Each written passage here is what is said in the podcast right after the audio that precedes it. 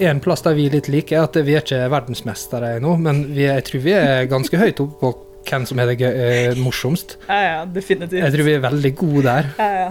Jeg bare husker sånn, når vi holdt på med dette her prosjektet på franskruta der også, Mm. hvor vi bare sånn, vi gikk rundt og bare lo, for det er bare sånn, hva er det? Altså, er dette livet vårt? og det, det er veldig sånn befriende, da. Ja. Jeg syns det er veldig, veldig fint. Hva er meningen, hva er sånn, hva er meningen med livet? Mm. Det vet jeg ikke. Nei. Men det er i hvert fall ikke å henge på denne steinen i tolv timer, liksom. Det er, det er ikke meningen med livet. Men, men så har det på en måte allikevel gitt mening, da. Mm. Den har på en måte fylt denne dagen med mening allikevel. Nå er det alvor. Hello, this is another one, another one, another one, baby. Welcome to Now Is It Alvor with Hans Christian and friends. We're going to be the best podcast that you ever did hear, and we're going to thrill you, we're going to teach you, we're going to entertain you. Like Britney Spears once said, there are those of us who observe and those of us who are here to entertain. And we're here to entertain you, bitch. Ja, god dagen, folkens. Velkommen til eh, dagens episode av Fjell, sti, terreng, ultra, klatre, skikjøre og bratt friluftsliv-podkasten Nå er det alvor. Mitt navn er Hans Christian Smedsrød, og du lurer kanskje på hvorfor podkasten heter Nå er det alvor? Den heter rett og slett Nå er det alvor fordi du har bare ett liv. Du får rett og slett ikke flere sjanser. Du har maks 100 år på denne planeten, og da må du faen meg gjøre det beste ut av det. Og vi som bor i Skandinavia har en uforskamma sjanse til å gjøre nettopp det her. Livet er for kort til å sitte i et kontorlandskap på Barcode, er vel egentlig det jeg prøver å fortelle deg. Kom deg ut i fjellet, ut i skogen, du trenger ikke løpe 100 miles eller klatre Trollveggen. Om du driver litt med klatring, kan du for eksempel stikke til Mjelva her i Romsdalen. Der ligger det en stein med en høyde på ca. 15 meter som du enkelt eh, kan gå opp på baksida og feste topptøy på. Der er det en eh, relativt eh, enkel rute som heter for Franskeruta. Den kan du gå én, to, tre eller 120 ganger om du vil. Og det var nettopp det han eh, Mathias Ekornås og Fredrikke Marie Trana fikk en fiks idé om å gjøre en solfylt dag i slutten av april i 2023. Og hvorfor eh, 120 ganger, spør du kanskje? Jo, det er fordi at det er så mange ganger du må klatre franskeruta på Mjelvasteinen for å oppnå like mange høydemeter som selve franskeruta i Trollveggen. Og eh, den heter Franskeruta fordi at det var franskmennene Yves Bossard, Jérôme Brunette, Patrick Cordier, Claude Deck og Jean Frel eh, som var de første som besteg Trollveggen så tidlig som i 1967. Og derfor heter den Franskeruta. De eh, samme menneskene skal visstnok ha preppa seg opp til eh, denne førstebestigninga på Mjelvasteinen, som ligger på andre sida av dalen. Og det er visstnok derfor det er ei rute på Mjelvasteinen som heter Franskeruta. Denne episoden er gjort i samarbeid med Piterak, som annet har ei sjappe her i Åndalsnes sentrum, rett ved togstasjonen. Om du trenger utstyr til en eller annen tur mens du besøker området, stikk innom sjappa, og så sier du at du hører på Neda. Så skal vi ordne en solid deal til deg. Jeg jobber på Piterak eh, en dag i uka cirka, og det er ofte på fredager. Så hvis du er her da, stikk innom, så kan vi prate litt skit. Nå har vi forresten fått inn de her eh, ganske opphypa normalskoene, som er Kilian Jornets spesialdesigna løpesko, eh, som en av få forhandlere i Norge. Så det er ganske eksklusivt. I fjor eh, så skulle han Kilian bevise til verden at de her skoene var veldig durable og, og kunne tåle en støyt. Så det han gjorde, var å løpe og vinne Hard Rock 100 og UTMB i samme paret. Og du så jo hvordan det gikk. Jeg har et eh, par sjøl, faktisk, og har testa dem på et par eh, løpeturer i det siste. Og jeg kan eh, gå god for at de er såkalt the shit.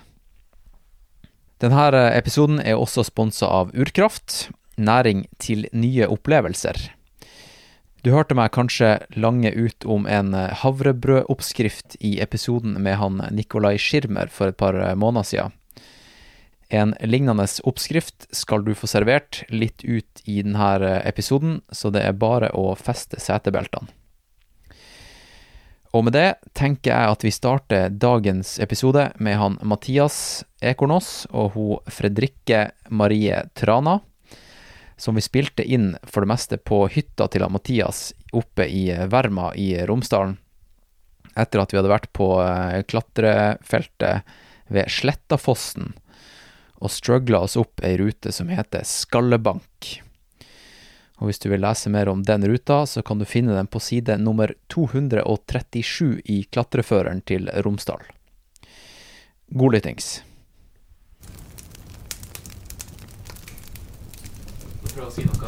Jeg kan jo si en Fortelle en vits, for eksempel. Ja. Nei, jeg, vet, jeg kan ikke Ja, det, Jeg kan ingen på stående fot, faktisk. men eh, det høres bra ut. Ja, så bra. Velkommen til podkasten, Fredrikke. Eh, etternavn? Trana. Trana. Mellomnavn Marie. All right. All right. Det er hele regla. Skal vi gi litt eh, kontekst til lytteren? Vil du gjøre det? eller? Hva er kontekst, ja? Ja, litt sånn eh, fortelle hvor vi er og hva vi har gjort og hva som skjer i eh, rommet her. Ja. Jeg og Mathias Ekornås og du, da, har jo vært uh, ute og klatra på Slettafossen, eh, et klatrefelt uh, i Romsdalen. Og I Verma. i Verma, faktisk. Ja. Ja. For å være helt korrekt. Helt øverst i Romsdalen. Og litt av grunnen til at vi tre møttes akkurat nå, var vel egentlig for å snakke litt om et prosjekt som jeg og Mathias hadde for et par uker siden. Um, og høre litt hva som har skjedd siden det. Um, hvorfor vi gjorde det, kanskje. Hvordan det gikk. Mm. Um, det gikk kanskje ikke helt etter eh, plan A. Men, Vet du hva vi kan gjøre? Mm. For jeg tok jo opp litt inne på Pitrak. Mm. Uh, Jeg kan ta spillet av det, for at der, eh, der pitcher dere jo prosjektet før dere starter. Mhm. Vi, hvis vi klipper det inn nå. Ja.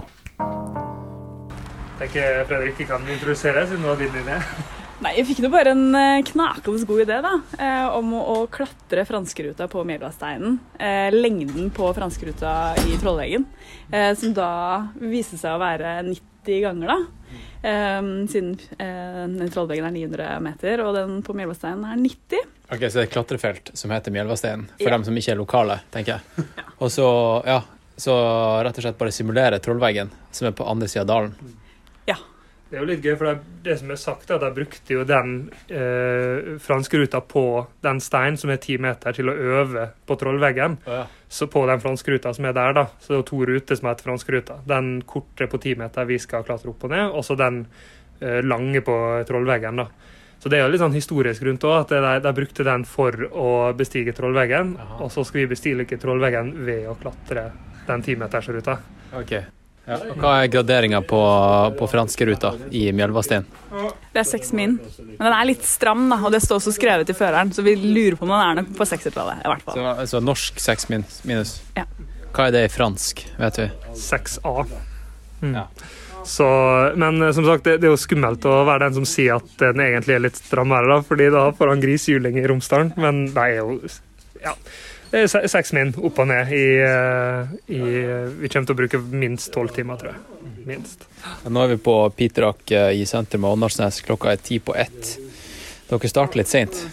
Ja, vi starter litt seint. Ideen kom litt seint. eh, så det er vel eh, et eh, veldig lite planlagt prosjekt. Mm. eh, så vi tar det litt på sparket.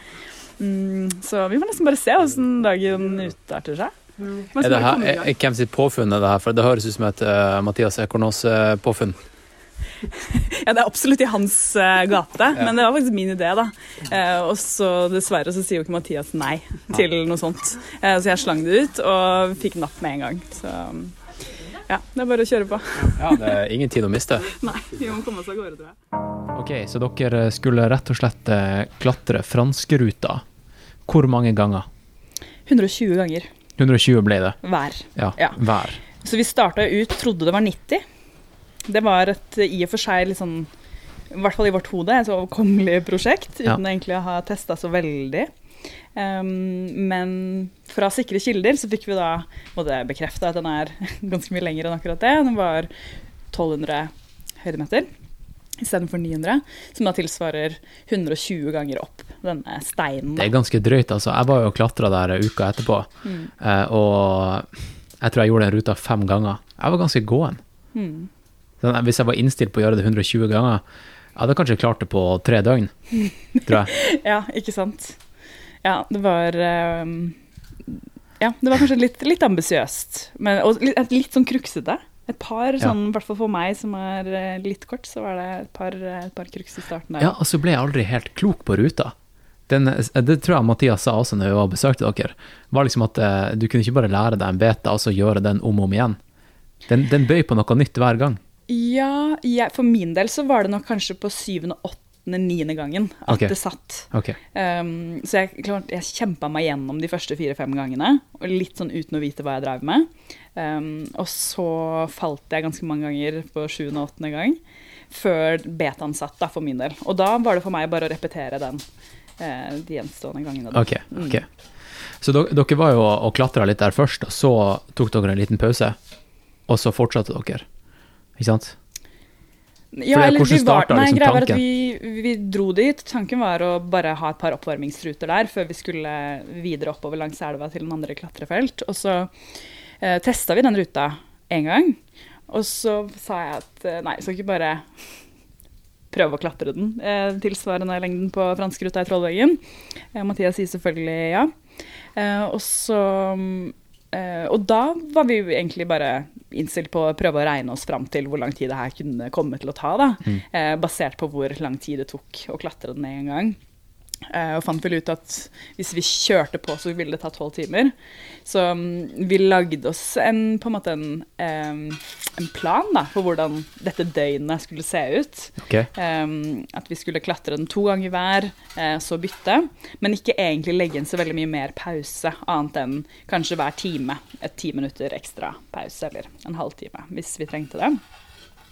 Um, så ja, det var ikke egentlig noe Når vi først starta prosjektet, så starta vi jo på eh, med å bare kjøre på, egentlig. Mm. Og, og, og hvordan gikk det, da? Det var, det var en fin dag. Det var helt strålende dag. Ja, det var helt nydelig. Fantastisk vær. Ja.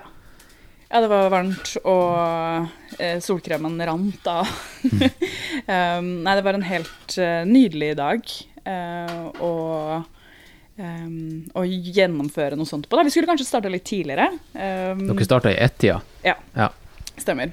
Og så ga vi oss da klokka ti, halv elleve. ja. Eh, Da ble det mørkt. Da ble det mørkt. Vi prøvde et par runder med hodelykt, men det var ikke det var ikke noe å jobbe med, egentlig. Det, var, eh, det ble for utfordrende. Så det ble ni timer da, til sammen med samme ruta, igjen og igjen og igjen. Jeg ble ganske glad i den etter hvert. Um, Ja, kan du prøve å beskrive ruta? Kan du huske hvert eneste flytt? hmm. Nei, jeg, ikke sånn, jeg kan ikke se det for meg, hvert enkelt flytt. Nei. Men um, Det hardeste er jo starten. Ja. Det, var, det er som å komme seg opp. Ja. Eh, å komme seg inn på steinen, på en måte. Mm, og så er det et lite kryksete parti med noen litt lange strekk for min del. Um, fram til liksom halvveis på ruta. Og så, så går det ganske smooth, da, syns jeg. Men um, ja, noen litt lange flytt. Eh, nei, jeg syns det er superfin, superfin rute. Mm. Mm. Og, ja. og, så, og så gikk det jo ikke helt som planlagt. Altså, Dere, dere måtte gi dere eh, Det ble mørkt. Mm. Du, du kom vel til sånn ca. 30? Ja. 30. 30 ganger? Mm, stemmer. Ok, Og hvor langt opp i trollveggen eh, virtuelt var du da, liksom? 300 meter, da. 300 meter? Mm, oppi Ja, veggen. Så Du topptøva deg 300 meter opp i trollveggen? ja, rett og slett.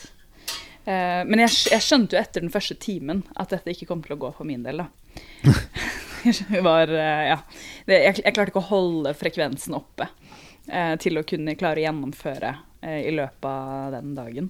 Um, så det var en litt sånn avveining hvor skal, jeg, skal jeg fortsette, eller sånn, hva er poenget med å fortsette å klatre denne ruta når jeg vet at jeg ikke når det som på en måte var målet vårt, da?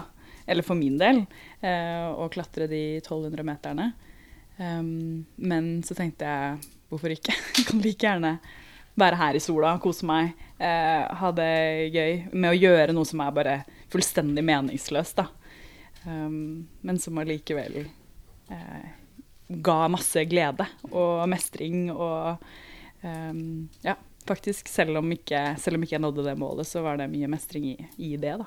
Vi snakka litt om, når vi klatra i stad, det her med å det er psyken og klatring. Mm. Fordi vi gikk ei rute, vi drev og struggla på ei rute som var syv minus. Og før, altså mellom det nest siste og det siste klippet, det er ganske langt, ikke sant? Mm. Og, og da må du bare gutse, du må committe, ikke sant? Men hvis du da er innstilt på at det gjør ingenting om jeg ikke klarer det, da klarer du det ikke. Mm. Hadde du det litt sånn på, på franskruta? At liksom eh, det spiller ingen rolle. Å, nei, faktisk ikke. Um, men jeg følger deg helt hva du sier, og jeg tror det gjør jo noe med måte, hvor mye man er villig til å ta i, på en måte. Uh, hvis du innstiller deg på sånn, ja, men det er et alternativ å baile, så, så er det kanskje lettere å gjøre det, da. Men for min del på den franske ruta, liksom den, den greia der, så var det Det var lek. Eh, det, var, eh, det var moro, på en måte. Det var ikke Det var veldig lite seriøst over det. Eh, fordi det, det er lite pretensiøst. Lite sånn Det var bare for moro skyld. Men så, så jeg klarer ikke helt å forstå hvorfor jeg gadd å gjøre det 30 ganger, da. Hvis du skjønner? Ja, jeg skjønner. Um, men det handler ikke om å um, Nei, jeg vet ikke. Men klatre, bare- klatring er jo lek, Mm. uansett. Og det tenker jeg litt på, altså, liksom, de gangene man faktisk klarer det, og liksom jobber skikkelig hardt og har et prosjekt og sånn der, Mm. hvorfor skal man gidde å komme til toppen? Du har det jo Ja. fett hvis du kommer deg til nest siste klippet også. Ja. Hvorfor, hvorfor skal man gidde å liksom vie livet sitt kanskje i, i to måneder Mm. for å klare ei rute? Har du et svar, her, Mathias? Du kan rope. Hvorfor han skal gidde å vie livet sitt til ei rute i kanskje to måneder? Spør du meg, så er det like, gir like mye mening å vie livet sitt til det enn til veldig mye annet. da. Det jo, han gjør jo bare ting så Så liksom så meningsfylt han ønsker sjøl. Vi er jo litt sånn rart skrudd sammen der at vi, vi greier å skape en følelse av, av mening. Og, og jeg syns det er masse mening i, i å klatre, så jeg kan ta med seg etterpå. da. Så jeg, jeg drev og snakka om det faktisk med faren min i, i tidligere i dag, ikke om klatring, men om, om det å ha eh, Hvor viktig det er å ha suksesser i livet å se tilbake på. Og folk som f.eks. Vi, vi snakka om noen vi kjente som har fått sparken, og som har fått sparken fra jobben sin ganske mange ganger tidligere. Som, som, som liksom er, er i en litt sånn, kall det en, en spiral med en vane om å tape. da. Men, men følelsen av å vinne i veggen, og, eller få det til, da.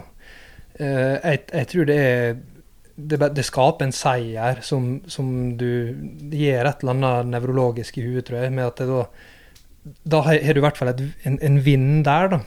Og, og jeg tror egentlig det er litt sånn ett fett hva du vinner på her i livet, men, men du skaper store seire med klatringa. Og jeg tror det jeg tror det er en av de viktige tingene vi gjør med det. At det vi, vi bare vi trener oss sjøl til å jobbe hardt for noe, og for å vinne. Fordi I løping, som jeg driver mye med, så er det jo Mitt argument har alltid vært liksom, hvorfor skal man gidde å løpe mye? Det har jo handla om at det er egentlig ingenting som gir mening i livet. Så du kan like gjerne gjøre det. Mm. Og det samme er det jo med klatring. Når du, du har eh, diska opp noe, noe greier her, kan du fortelle? Du, nå, eh, Vi er jo på, på hytta mi oppe i Verma her, med, og her er jo ikke innlagt strøm eller vann. Jeg er jo solceller, så jeg har lys og sånn, da, men eh, vi er jo blitt veldig glad i å lage mat på, på bålet. Så nå har vi eh, gjort noe så enkelt som, eh, som ostesmørbrød på, i peisen, da. Det, er, det høres enkelt ut. Hvordan gjør du det, da? Der er det brødskive og, og skinke og ost, og så er det fyre opp eh, et bål og legge eh, de her eh, ostesmørbrødene på en liten plank ved siden av og tette innpå, så vri og snu. og Pass på at det ikke svir seg. Så det svidd seg litt, da, men det gjør det hver gang. Nice. Da, da tenker jeg at eh, to stykker kan prate mens én spiser. Oi. Er ikke det en bra, bra plan? Um, jo, hvordan var din opplevelse av, av franskeruta da, Mathias? Nei, altså, jeg hadde jo Jeg lå jo an til å få det til ei stund. Uh, men så kom den der eh, hvor mange runder det egentlig var, da, som, som gjorde at jeg, jeg skjønte jeg kom ikke til å få det til uten å sove noen timer, og så komme tilbake. Så, men, men jeg hadde liksom litt sånn trua på at ja, greit, på under 24 timer kan det gå, da. Da, da kan jeg liksom få, få det til. Selv om det var ikke helt det vi hadde tenkt oss. Ehm, men så Jeg tror det rett og slett er sånn Du er ikke helt forberedt på hvor, hvor hardt det der egentlig tar på kroppen. da. Så jeg eh, slo meg litt, og tror også det var en blanding av det og belastning. Så, så kjente jeg en albuen slutta liksom å dra. Og så kom jeg tilbake og skulle jobbe litt på egen hånd på ruta dagen etterpå. bare å å sikre meg sjøl, og, og så falt jeg på liksom flytt nummer tre og slo anklene i bakken. og sånn, OK, skal jeg være redd for å dette og slå meg hver gang nå? Og da kom den tanken hvorfor skal jeg gidde? Hva er vitsen her? Ja, eller jeg, jeg, jeg hadde Og det er veldig sjelden jeg sier, men jeg har ikke fått det til. Nei, Eh, det, nei. det er veldig sjelden jeg liksom bare sier rett ut. Jeg hadde ikke Jeg har ikke greid det. Og jeg har ikke greid det på to dager eller tre dager heller, for jeg Ja, jeg, jeg slo meg litt og var Ja, det bare gikk ikke, Du liksom. slo sjela også. Ja, litt det Mm. Så jeg gjorde det, da. Men det var, også var det ganske deilig å bare sånn Ja, fuck det her. Men eh, ja, du har jo blitt litt kjent for å gjøre litt sånne type stunt, da. Og gå liksom eh, Seven Summits virtuelt og eh, klatre diverse fjell virtuelt på hotellrom og i trær og, og sånn der. Mm. Hvordan var det her det hardeste du har gjort? Var det den verste utfordringa, fysisk og mentalt? Nei, nei, det var ikke det. Jeg tror, jeg tror det her var mer også et eh, resultat av eh, dårlig forberedelse og dårlig planlegging. Ja. Det er litt sånn, altså For det første, vi visste ikke hva vi Vi visste ikke hvor langt vi skulle, skulle klatre, eh, og vi begynte midt på dagen. Så vi var jo Hadde vi liksom planlagt ei uke eller to, og slik er nok en bedre utgangspunkt enn å liksom bare starte og liksom se litt hvordan det går, da. Så det er jo veldig sånn ulikt den her i forhold til de andre jeg har gjort. De andre, den type lignende stunter, som som regel er sånn 24 timers greier, eh, så har jeg en veldig tydelig plan på eh, hvordan det døgnet ser ut. og Jeg vet akkurat hvordan døgnet ser ut, og jeg har hvilt litt i forkant. og eh, en god plan på søvn, da. Så det er nok ikke det mest For jeg måtte Når du ikke når det bare stopper, da, så har ikke du muligheten til å gå skikkelig i kjelleren. Det kan sikkert du kjenne igjen fra hvis du løper, skal løpe 100 km, da. Mm. Og så etter 8 km så bare funker ikke kneet. Det, selv om du har fullført et 100 km tidligere, men nå slutta på 7, så er ikke det, det løpet verre. Det er bra at det gikk ikke. Ja, ja. Ja. Og, og det verste du kan gjøre i et ultraløp, er å sette deg ned. Ja, ikke sant? Da kommer du ikke i gang. Nei, Nei, ikke sant. Nei, så, så nei, jeg syns ikke det var det, liksom mest sånn mentalt utmattende, men eh, jeg liker ideen om å klatre her rute om igjen om igjen på den måten der. Og så kanskje vi til og med skal gjøre en vurdering på hvilken rute vi skal klatre. For det, det er jo Det hadde nok vært finere hadde det liksom bare vært en sånn eh, bare jugs, på en måte. Eh, kunne godt vært litt sånn tung allikevel, men men det var liksom noen bevegelser der som, som ble litt sånn awkward etter hvert, rett og slett. Ja. Det, Ja. Det er ganske hard på, um, på huden Mm, til tider. Ja. Sant? det var nettopp det. Så det gikk liksom på en del sånne andre ting. Men Og, det, og, og nå sitter jeg her og er ganske sånn kul og er litt sånn Ja, nei, det gikk ikke, og sånn er det, og name of the game og sånn. Men når vi holdt på, så var ikke jeg kul, da. Når jeg holdt på, så var jeg, satt jeg og banna og var sånn Faen, det her går ikke, liksom. Og shit, og faen, jeg dret meg ut, og jeg skulle, faen, skal jeg gi meg? Altså, det var en ordentlig sånn der Jeg følte meg som en dust når jeg holdt på. Men nå Men tenk deg, det er jo ingen som bryr seg. Nei, nei, nei. Altså, det satt jo bare oppi hodet ditt. Ja, ja, det er det. ja, ikke sant? Er ikke det litt sånn For det det var det eneste i verden det døgnet der. Og det er som du sier, det er ingen Du vinner ikke noe kredibilitet på det. Nei, nei. Det, altså det, det, det meste du kan håpe på, er at noen tenker på det ah, Det var weird. Fett. Og, Tror, tror du liksom til nøds kanskje det ville kommet på klatring.no? at det var noen crazy folk som gjorde det der. Men jeg vet ikke hvor mye kred man ville fått. Nei, nei, det er nettopp det. Og det, det er jo litt sånn det jeg liker med de her prosjektene bare, der du bare skal druse litt på. da. Det at det, det, det krever eh, veldig mye og veldig lite samtidig. Så det, det er en sånn uh, simpelhet rundt det hele som jeg, som jeg blir veldig sånn dratt mot. Og så, men så er det dritt, da. Herregud, det er jo tungt. Og det er skikkelig tungt, da. Men, eh, men det er sånn der jeg må bare bli litt i det og ha litt sånn stayervilje. Ja. Mm. Denne hytta her, den er ganske ny for deg. Jeg har kjøpt den i februar. Hva, hva er greia? Nei, jeg har nå hatt lyst å tilbringe mye mer tid i Romsdalen. Uh, i, I mange år, egentlig. Og jeg ser på Romsdalen som kanskje den beste skolen for å bli flink i fjellet. da. Det har jo alt. Og det har også ikke minst et kjempebra miljø da, med folk som driver på med det. Så um, jeg har egentlig drevet og sett på det området her ganske lenge. Og jeg har sett på det området oppe i Verma her, ikke ned i Isfjorden og Åndalsnes, eh, rett og slett pga. klima. At det, er mer eh, snøsikkert her oppe på eh, vinteren, og så er det tørrere og finere på sommeren. da. Så det sikkert noen i Isfjorden som sitter kommer til å bli lynforbanna, men jeg tror de veit det er sant, da. Ja, Men det er ingen mennesker her, da? Nei, nei, nei, Nei. og det er også et kjempepluss, da. ja, For noen. Nei, nei, det er nettopp det. det er ikke, nei, men jeg liker veldig godt at jeg kan være her alene. For jeg, jeg er veldig glad i det kaller det bratte friluftslivet, men jeg er også veldig, veldig glad i det helt sakte friluftslivet. Med å liksom gå ut og, og plukke spiselige vekster og titte på blomster og titte på maurtuene her og, og, og sitte og fiske. Altså det er sånn, jeg er veldig, veldig glad i de kontrastene der. Så det at jeg kan drive og tusle rundt på den lille halvøya mi og og skrive i boka mi når, når det blir grønt på bjørken min og sånn, det, det også er veldig viktig for meg. da. Så det å kunne gå her alene og, og, og putre, på en måte, det er jo dit det er jo dit jeg må til slutt, uansett. Ja, ikke sant? Ja. Man kan ikke drive og klatre franskruta hele livet. Nei, da kan jo klatre fransk ut hele livet. Men eh, fortell meg om, eh, om det her eh, Var det utesitting du kalte det? Ja, ja, ja, siden vi er inne på det enkle friluftslivet. Ja, Ja, det, det er jo et sånn Det er noe som jeg har hatt lyst å For jeg har jo hatt med folk ut på på, på sånne her kommer der, der, der en skikkelig god bit. Mm, Eh, Ja. var det bra. den var god, ja. Ja. Jeg skal re reheate den litt etterpå. Nå sitter forresten eh, Hans Christian og tygger på ostesmørbrød vi har laga. Og var redd det skulle bli kaldt, tror jeg. Men ja, til utesittinga. Eh, det er jo noe som Jeg har jo hatt veldig, veldig glede og nytte av å sitte alene i skogen. Og utesitting er en gammel vikingtradisjon, så det sitter veldig i oss fra gammelt av. Det å være alene i skogen. da. Og veldig enkelt forklart så er det akkurat det det høres ut som. Du stikker ut alene, og så sitter du helt stille.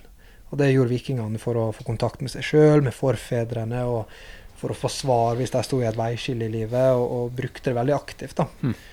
Eh, når kristendommen kom, så ble det her veldig ulovlig, og det, det her jobba de aktivt og hardt for å kvitte seg med. Eh, og det var hvis du ble tatt for å drive utesitting, spesielt på natta, Ja.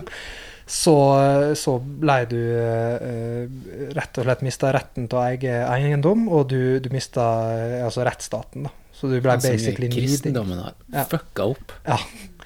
Og det, er, altså det var sånn, og du, hvis du ble tatt, så fikk du ikke lov til å be om Det var ikke nok å be om tilgivelse til presten, du måtte helt til biskopen. Så det var veldig sånn, de gikk hardt innpå, da. Gapestokk, liksom. Ja, ja altså nesten verre enn det òg, for du, er jo eh, Jeg, jeg har ikke jeg har funnet, lest noen gamle tekster fra 1100-tallet, og der, de bruker ikke ordet niding, men de, de beskriver det samme som niding. Hva betyr det? Niding er jo basically at hvis noen dreper deg, så kan ikke de bli straffa for det. At det, du har ikke noe Ah, okay. rettssikkerhet Ja. lenger.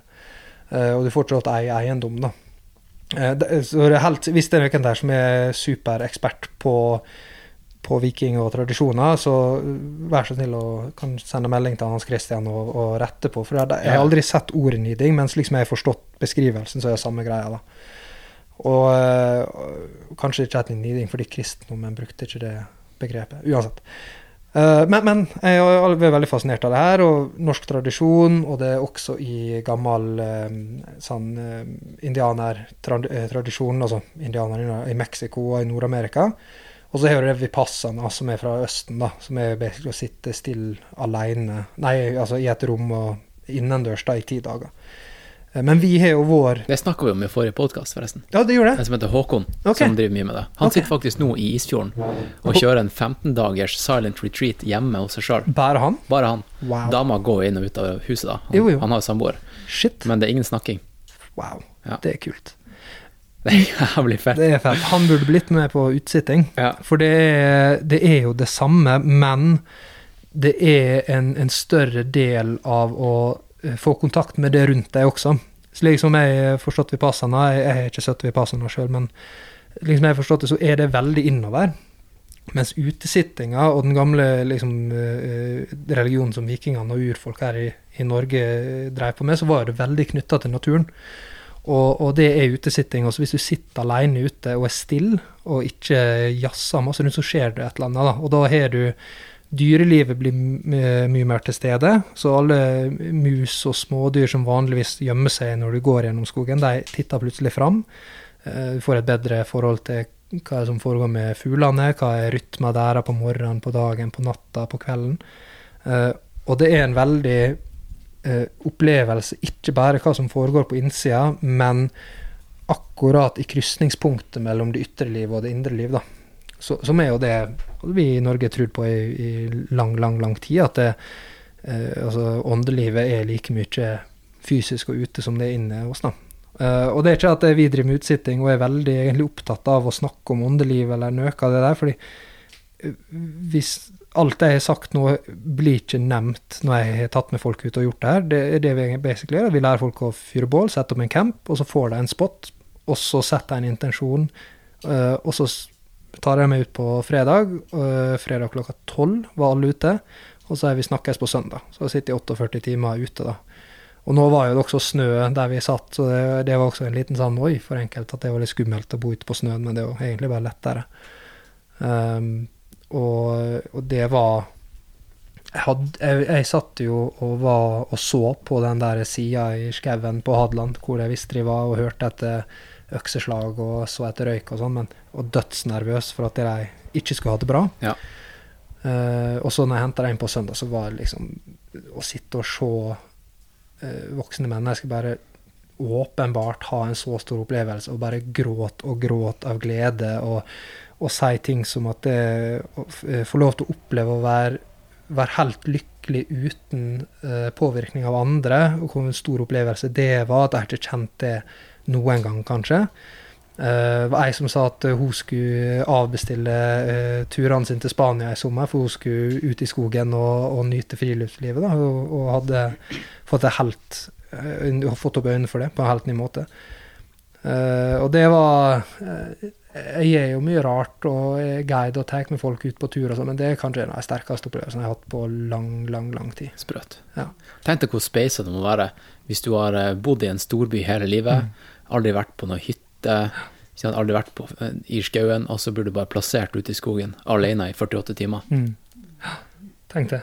Også, Det må være litt sånn psykedelisk, tenker jeg. Ja, jeg tror du må begynne å bikke mot det. Altså, Ja. Du kan også tenke, når er det sist du ikke ble forstyrra, da?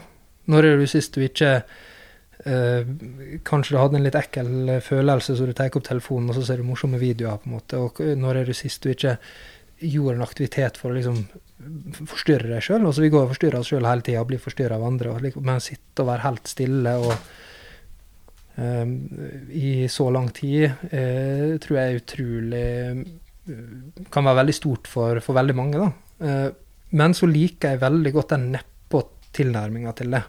Så jeg er veldig på Jeg skal ikke putte noe ideologi på det. og jeg kaller ting ingenting. Jeg, jeg, jeg sier ikke hva som kommer til å skje, eller jeg sier ikke til folk at det, det her er viktig, en stor opplevelse. Liksom, folk skjønner det veldig intuitivt. da.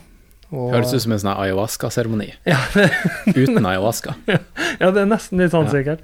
Nei, det er men, men så er det også et eller annet at jeg har jo um, um, Når jeg slutta i Forsvaret, så var, jeg nok veldig sånn irriterende, fordi jeg, jeg skulle snakke om hvor viktig det var å være ute, og jeg var veldig sånn, litt sånn preacher, da. Og så skjønte jeg at jeg er ikke smart nok til å lære noen noen ting. Uh, altså, jeg greier, greier så vidt å sette ord på hva jeg veit, på en måte, så jeg har ikke kjangs å lære noen nå. Men, men det jeg vet, er at jeg har gjort en del praktiske, aktive ting og lært veldig mye om meg sjøl.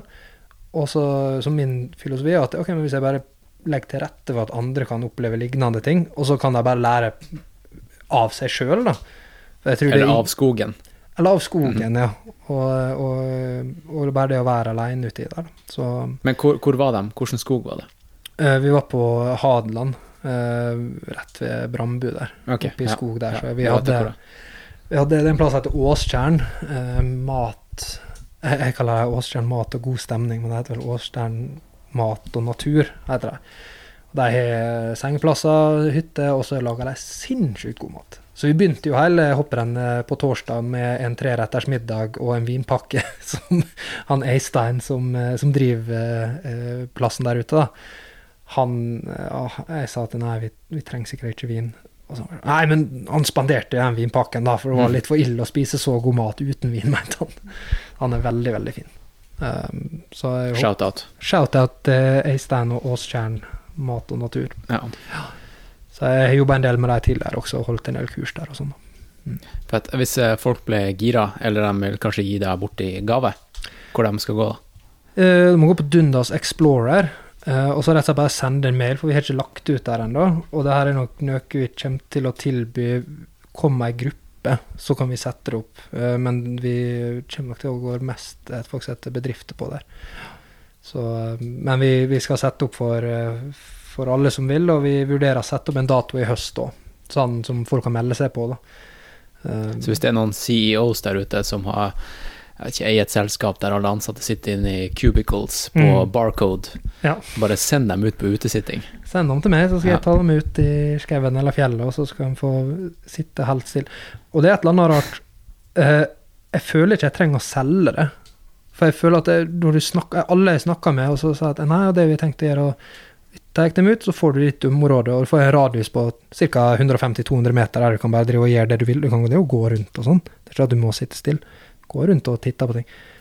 Og, så, og du skal ikke snakke med noen. Du har ikke telefon, du har ikke klokke. Vi lærer å se klokka eh, tre ganger om døgnet eh, på sola og hvor den står og, og sånn. Og så er du helt skal, Ser ikke et annet menneske. For de får jo mat, Ja. uh, men de vet at det er når, klok sola står i sør på lørdag, så går de til et tre vi har avtalt, og så finner de mat der. Da har jeg vært satt ut en pakke til dem.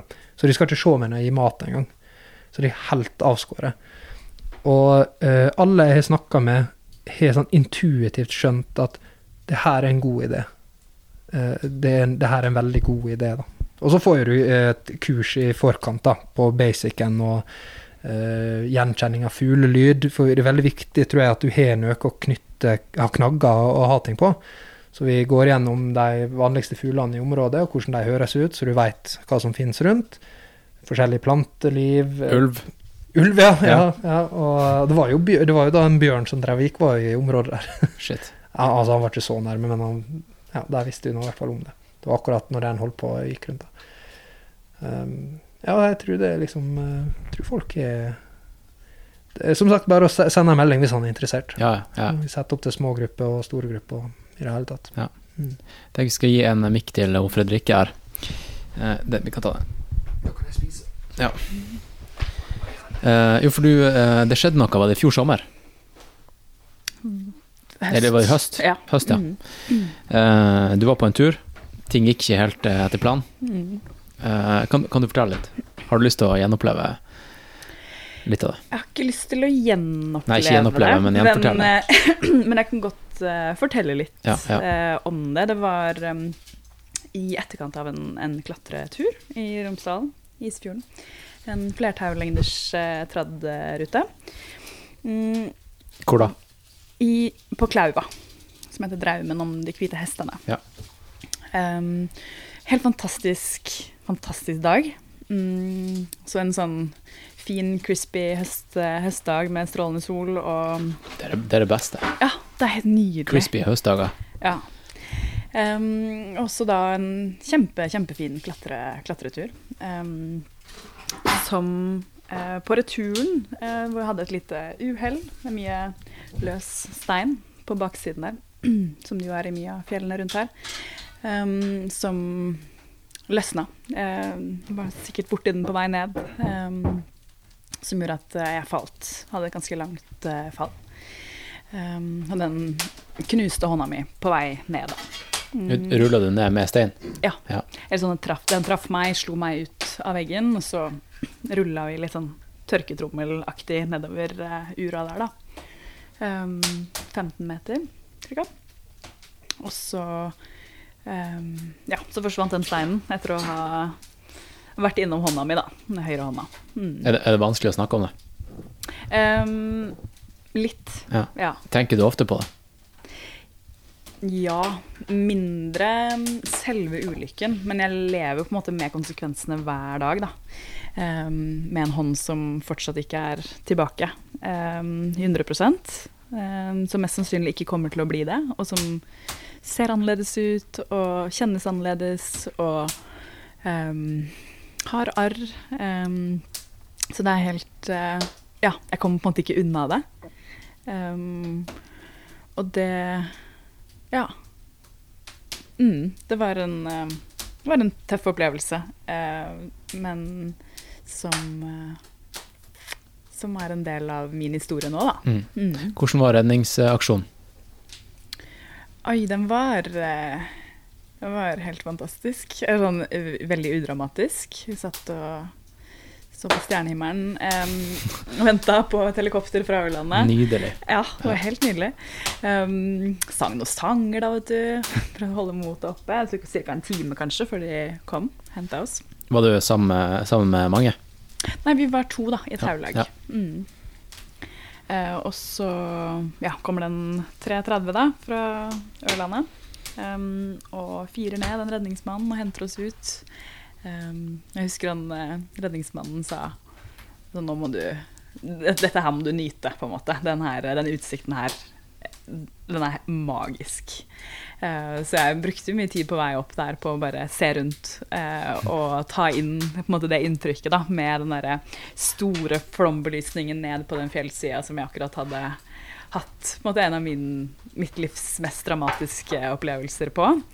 Um, og det var faktisk veldig fint. Jeg husker det som en sånn veldig sånn sterk og kul opplevelse, på en måte. Selv om jeg selvfølgelig gjerne skulle vært foruten, så, så Ja, det var eh, fin, fin redning. Jeg har også blitt redda med helikopter, og da, men da hadde jeg knust ansiktet, så jeg kunne ikke se noe. Eh, og da husker jeg at eh, da de kom, så, så måtte de bære meg opp til en liten fjelltopp for at de skulle komme til med helikopteret. Eh, og da, da når jeg på en måte lå i båra, siden jeg ikke så noe, så trodde jeg at jeg var i lufta.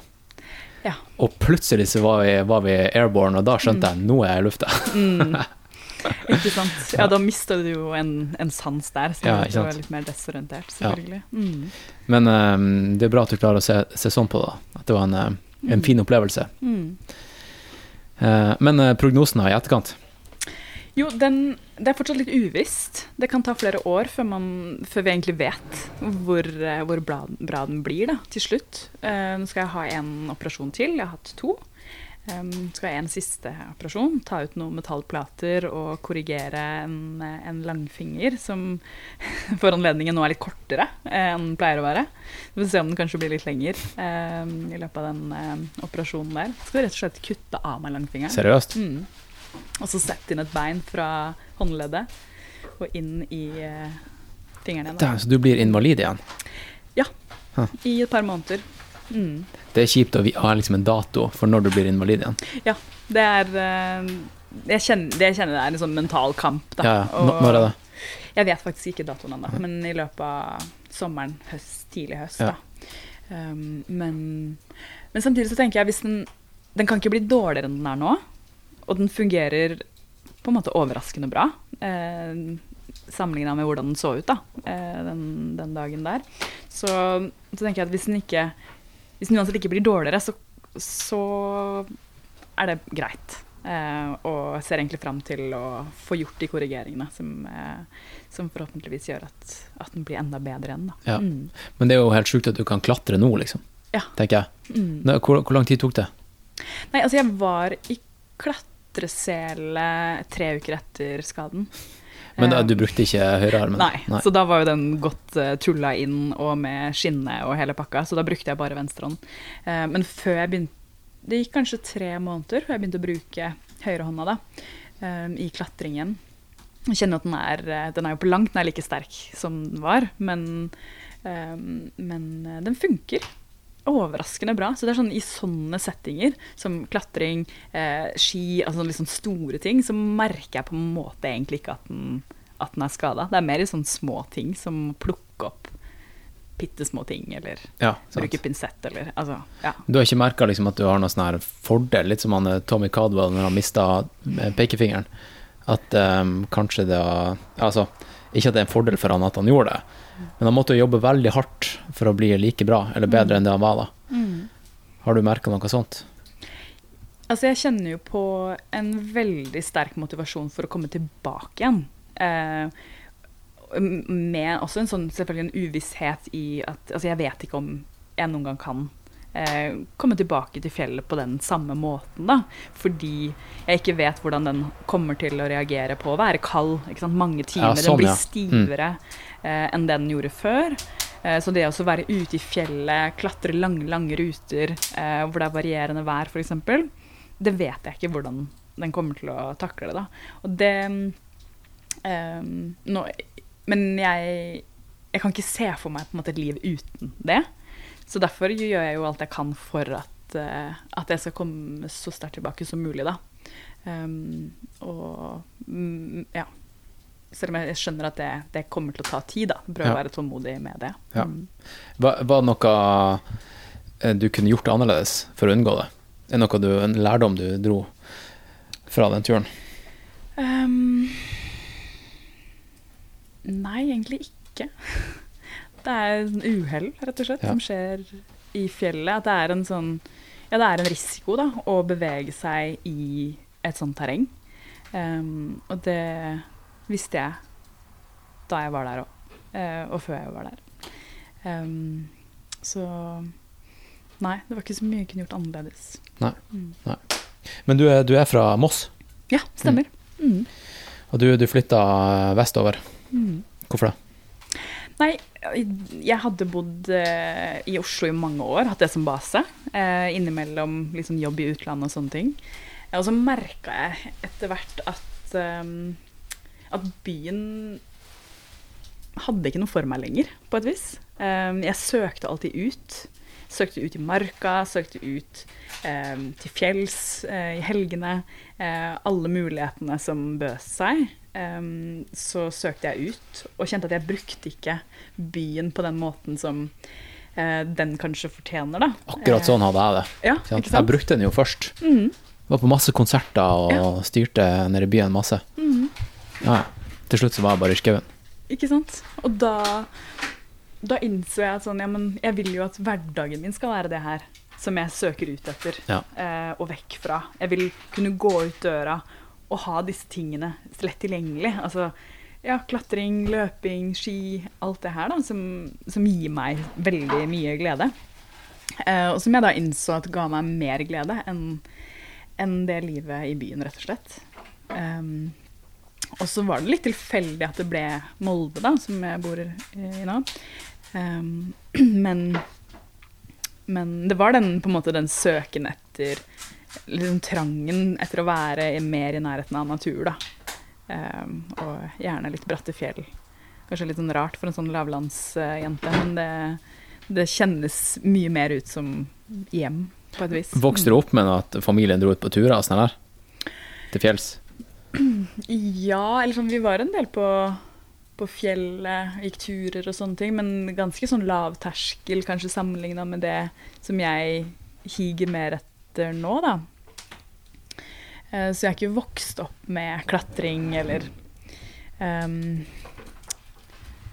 Eller uh, Ja, liksom det å være i, i litt mer sånn utsatt terreng, da. Det var mer eh, snille hauger og ja. Men eh, ja, så det, det kom ikke derfra. Det var mer liksom motvillighet i meg, husker jeg, i barndommen, å være ute. Mm. Nå tar jeg over intervjuet med, med Fredrik, fordi Han, eh, Hans Christian holdt på å svelte i hjel. Jeg så det og måtte bare sette en ostesmørbrød foran han. Men eh, du Fredrik, jeg syns du er utrolig fascinerende, for du har ikke bare flytta fra byen til byen til bygda, eller byen til, til kysten, eller hvordan du vil se på det, men du har også gått fra ett veldig spesielt liv til noe helt annet. For du er en veldig spennende bakgrunn og reist rundt i hele verden og jobba humanitærarbeid. Mm. Så eh, jeg, det var der vi møttes, og, og jeg har jo alltid hatt veldig sånn respekt for at du tok et veldig sånn tydelig valg fra en vei og et liv som absolutt er givende og er spennende. Det var ikke slik at du satt og hata livet på et kjedelig kontor, Langt ifra. men at det du liksom gikk fra det, men at friluftsliv betydde så mye, Mm. uh, syns jeg er ganske imponerende. da. Men, eh, men det er jeg alltid nysgjerrig på folk som gjør sånn. Hvordan Var det et, et brått valg, eller var det noe som trigga det, eller var det noe du liksom gikk tenkt på lenge, og så kom bare sånn sakte, men sikkert og landa? Godt spørsmål. Jeg tror det, har, det var nok en sånn en, eh, en oppdagelse over tid. At jeg merka mer og mer. da. For ha jobba i Flyktninghjelpen i mange år. Um, og eh, jobba mye ute i felt. eh, og kjent på det som du sier også som en veldig veldig givende jobb.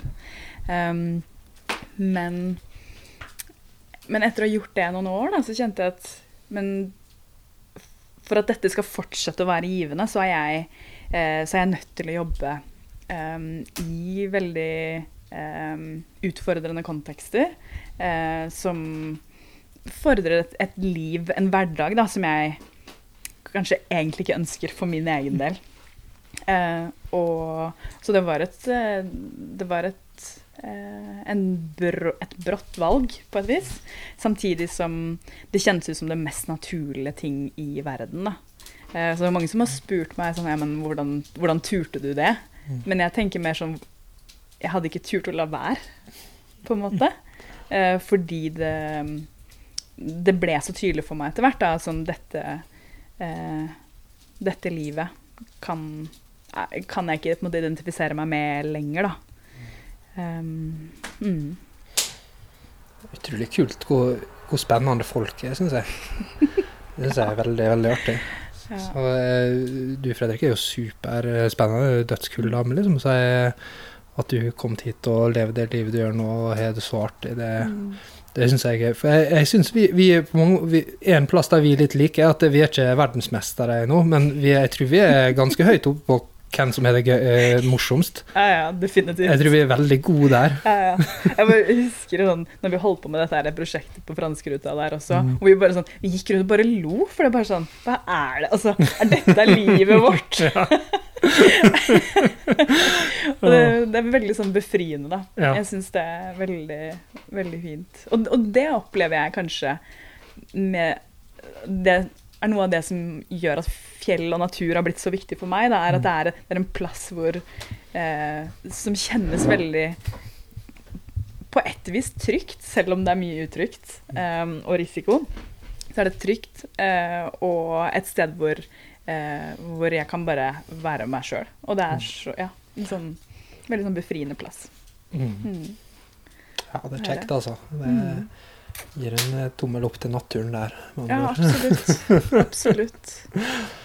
Det er god stemning. Um, Og du er også innflytter, eh, Hans Christian? Ja, jeg kan ta meg.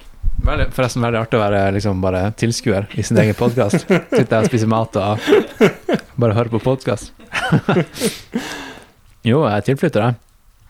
Det er jo mye av de samme grunnene til som Fredrikke flytta. Jeg var ikke ute og drev humanitærarbeid. Jeg satt på Barcode. Ja. Nei, men, eh, men det, nå er det nesten ett år siden. Det er ett år siden jeg tok valget, men det er ti måneder siden jeg flytta. Og må, det jeg ville gjøre, var bare sjekke om jeg eh, hadde det fett hele året, hele, hele vinteren også. For jeg, kom, jeg har jo bare vært i Romsdalen på sommerstid. Og så ville jeg bare teste ut eh, miljøet, sjekke ut menneskene, sjekke ut eh, Romsdalen på vinterstid. Og hvis det var suksess, så blir jeg. Og det var suksess. Ti av ti. Så Ja, han sitter her da på ei hytte i Verma, liksom. Og podkaster. Det er jo helt sjukt.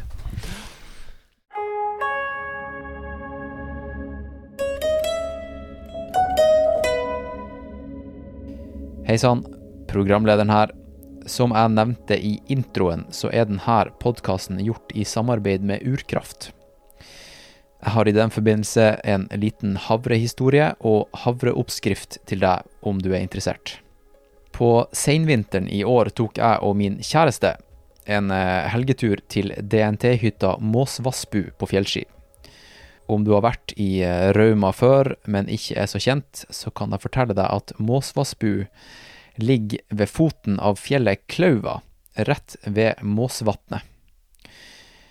Da vi kom til eh, Måsvassbu, så var hytta totalt nedsnødd, og vi måtte rett og slett grave oss fram til døra med hodelykte da vi ankom en sein fredagskveld i ganske så heftig snøvær. Dagen etter så hadde været roa seg veldig ned, og vi fikk noen fine timer på ski i nærområdet rundt hytta. Og da vi kom tilbake fra turen den lørdagen, så var vi selvfølgelig ganske så slitne og sultne. Jeg hadde tatt med meg litt urkrafthavre opp til hytta, og tenkte at det ville være morsomt å eksperimentere litt med nye teknikker og oppskrifter. Det var en vedfyrt ovn der, sånn som det bruker å være på DNT-hytte. Den var gloheit etter å ha stått på i mange timer. Jeg tenkte jeg kunne ta og lage noen vafler eller pannekaker med å bruke denne ovnen på et eller annet vis. Men jeg fant ingen stekepanne i støpejern på hytta. De hadde teflonpanna, men det ville ikke vært en god idé å stikke den inn i en sånn ovn. Så det jeg gjorde, jeg fant et vaffeljern i støpejern. Men jeg hadde ingen smør eller noe olje, så det ville blitt et helvete å få løs en eventuell havrevaffel inni det her jernet her. Så da måtte jeg bli kreativ. Det jeg gjorde da, det var å legge hele vaffeljernet inn i vedovnen blant noen gloheite vedkubber en god stund for å gjøre det skikkelig varmt. Jeg tenkte at jeg kunne ta og bruke baksida av vaffeljernet som steikepanne etter hvert, da. Og om jernet var varmt nok, så ville i teorien en pannekake få en såpass heftig skorpe at jeg bare kunne prelle den av når den var klar. Og det var nettopp det jeg gjorde. Jeg blanda urkraft havre, litt honning, vann og salt, og kardemomme og kanel i en skål. Og siden jeg ikke hadde noe egg der, så var det ingenting som kunne binde denne kaka sammen. Men etter å ha eksperimentert ganske mye med en sånn her type oppskrift hjemme på kjøkkenet, så visste jeg at det lar seg gjøre bare man har den perfekte vann mot havre-forholdet. Et tips her det er å blande vann og havre i en skål og la det stå i ca. fem minutter. Miksturen må være våt, men ikke sånn at det ligger noe væske oppe på toppen. Jeg bruker å putte en skje ned i skåla og ta bort den overflødige væska. Og for all del, du må ikke kaste denne væska, den er dritgod, så det er bare å slurpe den i seg. Så jeg tok ut det her gloheite støpejernet og la det opp på ovnen. Jeg klaska havremiksturen på jernet og smurte den rundt hele greia, sånn at det var ca. 25 cm i diameter og 5 mm dypt. Jeg slengte på noen rosiner på toppen og la jernet med kaka inn i ovnen, blant de her glørne. Og på denne måten så ville i teorien kaka bli stekt fra alle kanter, og det ville få en røkt og rustikk smak. Etter noen minutter så tok jeg den ut, og så kilte jeg inn en steikespade inn under kaka, og, og flippa den rundt og satte den tilbake i ovnen. Og da hadde den fått en gyllen farge, og rosinene hadde begynt å poppe og karamellisere seg Litt sånn som eh, hvis du forestiller deg en rosinbolle som har stått litt for lenge i ovnen. Og etter hvert, etter eh, fem minutter kanskje, så tok jeg ut eh, kaka og serverte den med peanøttsmør og honning. Vi eh, diskuterte litt eh, hva vi skulle kalle denne kaka, og hun eh, Lise hun foreslo at den skulle hete hulebrød, siden den minna hun om noe som en huleboer ville laga. God var den uansett, og jeg kan virkelig anbefale denne teknikken og oppskriften.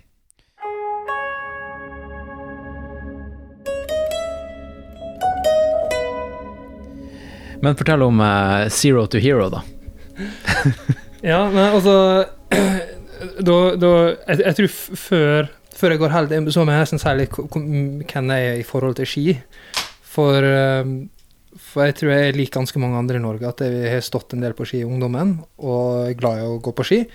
Men aldri altså, ikke konkurrert og ikke vært eh, aktiv og god, da. Så først eh, jeg når jeg fikk skjønt at jeg ikke var god på ski, da var jeg i Hallingdal med han uh, Vegard Breie og en del av kompisene der, og det er jo altså, folk som deltatt i X Games, og folk som er liksom World Cup her og den medaljen der, altså jævla gode folk, da. Også, Det er jo sånn type ski. Snakker vi liksom uh, toppturski nå, eller? Nei, de, de her er vel egentlig sånn frikjørere og, Ja. og litt sånn parkfolk og sånn, da. Men, men altså, de er jo gode på alt. Uh, Topptur er jo det jeg, jeg er glad i, Mm. og det er jo fordi det er en tur i det.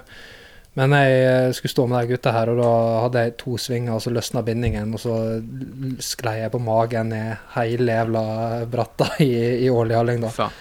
Og det er, det er en så flau opplevelse for meg at det, det kan jeg plutselig, på liksom en tirsdag rett etter lunsj, så kan jeg bare huske på det, da. Og så kan jeg sitte og skamme meg. Får du sånne frysninger? Ja, Ja. det er sånn er det tre år siden nå? Ja, er tre år siden nå. Fortsatt så kan det være plutselig bare sånn Å ja, faen, stemmer det. Jeg tryna foran noen av de beste skikjørerne i, i Norge og i, i verden. Stemmer det. Og Det blir sånn når man dummer seg ut foran ei man er forelska i. Sant? Ja. Man sier noe helt er latterlig. litt sånn, Ja. da. Uh, men, men uansett, så, så tok jeg meg litt sånn sammen. Så greit, nå skal jeg fokusere, nå skal jeg bli god på ski. Så jeg lagt litt sånn innsats i å prøve å være mye på ski, da, gå mye på topptur. Og så er det nettopp det da, jeg gjorde den store feilen som veldig mange andre gjør, at eh, du vil bli god på ski, så du begynner å gå topptur. Og det betyr jo eh, fire timer opp. Ti minutter. Ja, Maks. ikke Ja. sant? Så du blir ikke god til å stå på ski, du blir god på å gå på ski. Ja. Men jeg har eh, hatt veldig lyst til å bli god på ski, og også har jeg veldig lyst til å ha et system for å bli god. Det er veldig sånn, og det er på all trening. er Gjør du bare klatring også nå? Ja, Ja. veldig systematisk, og, og, og har et liv der jeg kan gå all in, da. Og det jeg mangla, var egentlig et, et, eh, partner som var god på ski, som kunne lære meg og som kunne hjelpe meg. da. Og det har jeg nå funnet i Stereo Ski, eh, norsk skimerke. Dødskule gutter, har toppturski og lanserer nå liksom alpintski. og det, det er liksom Hvordan holder til den? det er kontor i Oslo. Kontor i Oslo, og så er det et fabrikk i Sverige og Østerrike, tror jeg. Ja. Kan jeg ta? Alle har jo fabrikk i året, Ja, det er der de også er, da. Mm. Men, men de liksom dødskule gutta og, og har et altså, For det de er jævla gode på det jeg driver med, og så har de et nettverk som er veldig gode, da. Så jeg, vi har vært der og, og begynt å prate fordi jeg kjøpte ski med dem. Og så snakka jeg der, og det vi eh, Så la jeg egentlig bare fram min plan, da. Med OK, jeg er ganske god på sosiale medier, jeg har en del følgere, og jeg er god på å lage content og sånn. Har dere lyst til å bli med på en, en reise der vi ser hvor god jeg kan bli på en sesong, da, eller på, på et år, basically fra november til, eh, til mai, da. Mm. Og, og la fram Ja, det jeg skal gjøre nå, jeg vil ha to måneder, november-desember, november, bare grunnteknikk. Altså da er det opp og ned i skibakken. Bare bli, få trykt inn det der, da. Og jeg har muligheter. Det er fem minutter Bjole herfra, så jeg kan bo her oppe og bare være så masse som kroppen tåler der, da. Og få hjelp så klart å legge opp, og de hjelper meg med barmarkstrening nå fram til da og sånn. Og så er det topptur og uh, rutevalg og snøkjennskap og alt mulig januar-februar. Og så er målet å liksom begynne med, mer bratt skikjøring på uh, mars-april, da. Og det er et eller annet jeg, vel, jeg liker veldig godt å ha litt sånn press på meg, da. Og at det, det her skal vi gjøre sammen nå. Min jobb er å bli god på ski nå. For de, da. Eh, Dæven, hvor du har rigga deg til. Nå er jobben din å bli god på ski. ja, ja, det er nettopp det. Og nå, Uten at du trenger å prestere i, O- i OL, liksom. Nei, nei, du skal nei, bare bli så bra du jeg kan skal bli. bli så bra jeg kan Ja. bli, og, det, og så blir det sånn interessant å se hvor god kan jeg bli, da. Ja. Uh, så jeg er jo bare helt sånn litt sånn bakoversveis at de syns det her var kult. uh, men de syns jo det her var gøy, og er gira på å hjelpe og, og se hva vi kan få til sammen. da. Og så har jeg også en, en plan liksom, på slutten av det her, som kombinerer det jeg er glad i, eh, som er å reise og høye fjell, og, eh, og gjerne Himalaya, som jeg har en litt sånn ekstra forkjærlighet for. Eh, og så har jeg sett meg ut ett fjell i India da, som ikke blir stått på ski, som vi kan ha en første nedkjøring på. Jeg så at Trango, dem, det ble jo nettopp eh, kjørt på ski. Hva du sa nå? Ja, Trango. Er jo fritt eh, Rappellerte han ned med ski, da, eller? på, bratt, på, på baksida eller et eller annet. Ah, ok. Ja. Ja, ja. nei, det er ikke det jeg skal da. Nei, nei så, så, så det er liksom det jeg skal drive på med, da. Så nå har jo jeg en del større prosjekt før det. Jeg skal til Pakistan og, og klatre der, og, og har nok eh, nå i sommer så er det bare å pushe eh, altså sportsklatregraden og, og trene hardt der. Så det, Men nå har jeg liksom lina opp, da, og prøver å bli, prøver å bli god på det òg. Nice, da. Hvordan måler du det? Nei, det du, du liker jo å måle trening. Ja, altså det er jo et eller annet, det må være målbart på et vis, da. Og det, det må jeg liksom finne ut litt av de, med, sammen med de. Hvordan ville de målt det? Du kan bare dra på sånne slalåmtreninger med kidsene. Ja, er det Det må altså fra, liksom fra A til B ta tida. Så kan man sette seg noen sånne delmål, da. Sånn backflip eh, er jo greit å kunne, og ja, nei, vet faen. Vi må, vi må finne noe veldig målbart, men jeg er ikke helt sikker på hvordan det ser ut. Hvis det er noen som har noen tips som hører på, så kan jeg sende melding til Hans Christian eh, hvordan jeg ville målt hvor god du er på ski. Ja. For eh, vi blir nok å måle i november, og så blir vi å måle i mai, da.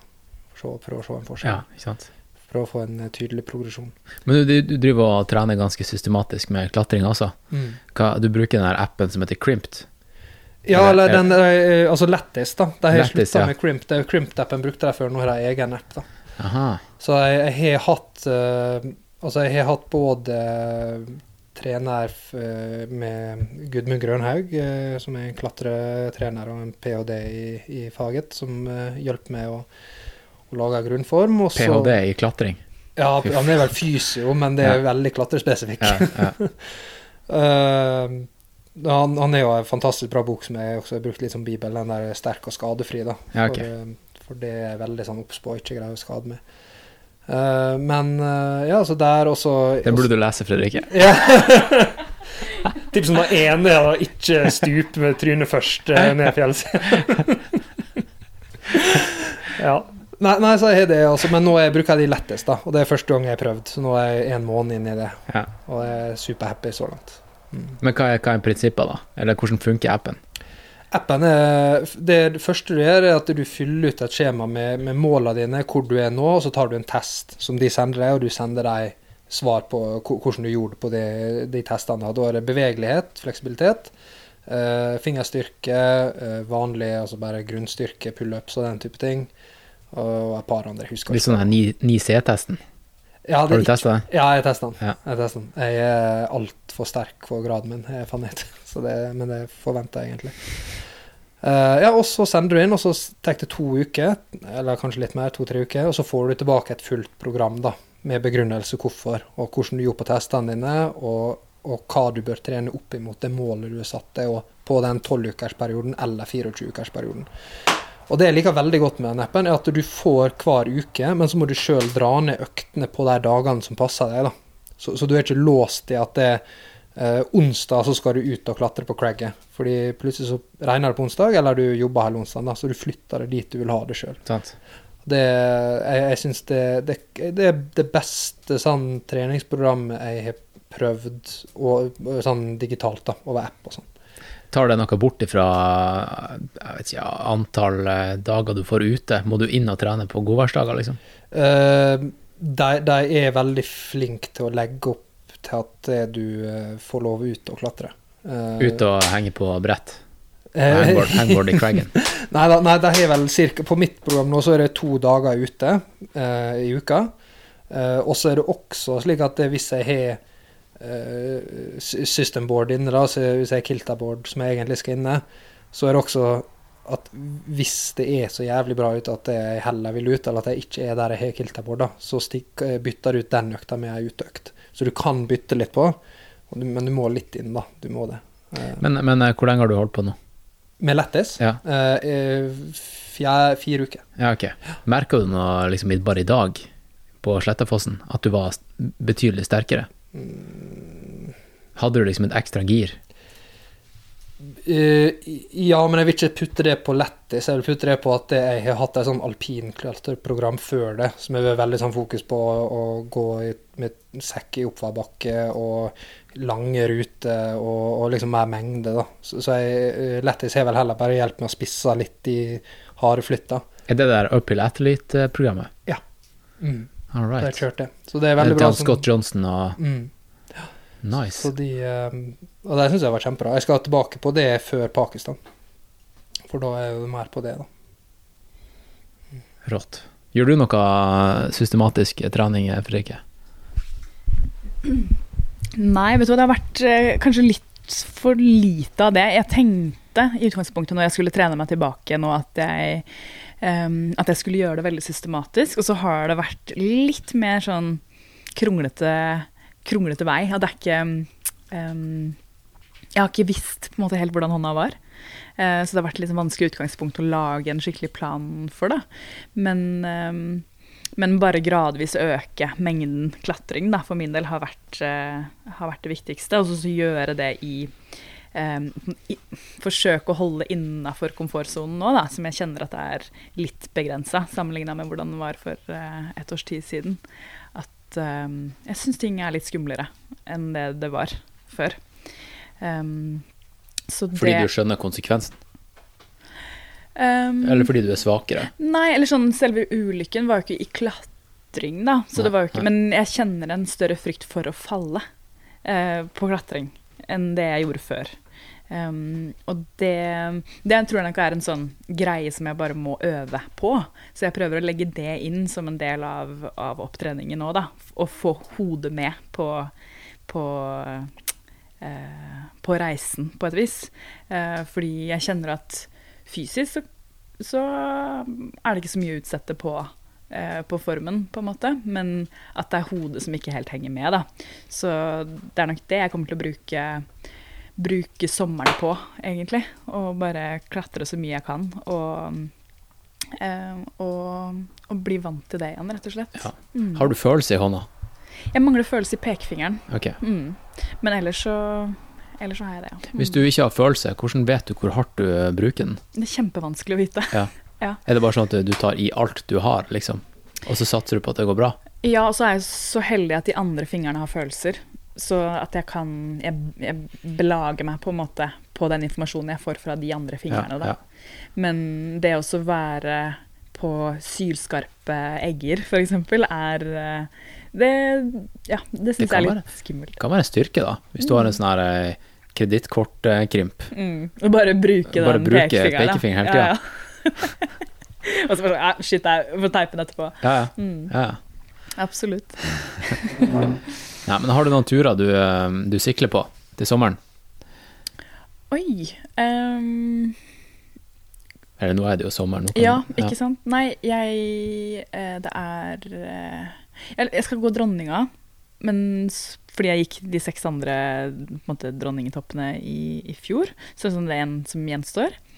Um, men sånn klatremessig så er det egentlig ikke noe store Jeg har bare lyst til å gjøre alt, jeg. det er fortsatt så mye å utforske i området her for min Ja. del. At, Har, eh, har du noen sånn liste du, du sjekker av? Har du en bucketlist? nei, Nei. faktisk ikke. Har du et kart hjemme? Stort kart? Nei, det har jeg heller ikke. Nei. Jeg vil få det. Ja, det er på tide å begynne å krysse ut, i hvert fall. Ting som har blitt godt. Ja. Mm. Men Mathias, du skulle til Pakistan. Har du lyst til, har du lyst til å snakke om det, eller er det, er det spikra? Mm.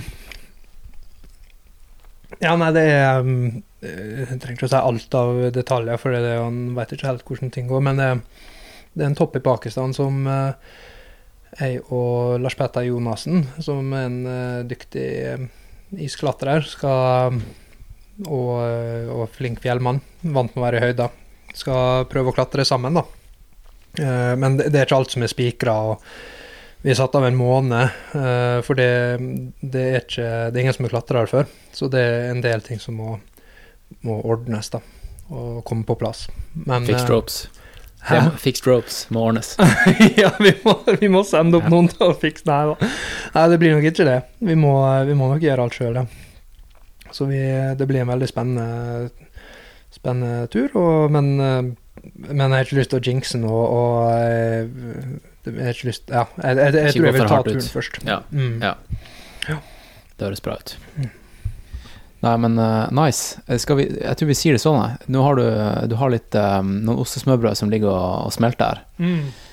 Uh, har du noen andre bra retter du kan lage liksom, på peisen hjemme? Oi. øh, ja, visste han det? Altså Hvis han bare skal ha en dessert, f.eks., Ja. så ta en banan, kutt den på midten, fyll den med sjokoladebiter, og så ta den i folie, putt den ved bålet, og så har du litt sånn banansplitt der, da. Og så spiser du med skje. Én bit. Så det, det er digg, da. Og så Ja da, altså, men du kan jo grille alt mulig. Herregud. Kjøtt og Ja, ja, selvfølgelig. Ja, det er jo vanlig bål, liksom. Det er bål. Ja, ja. Det.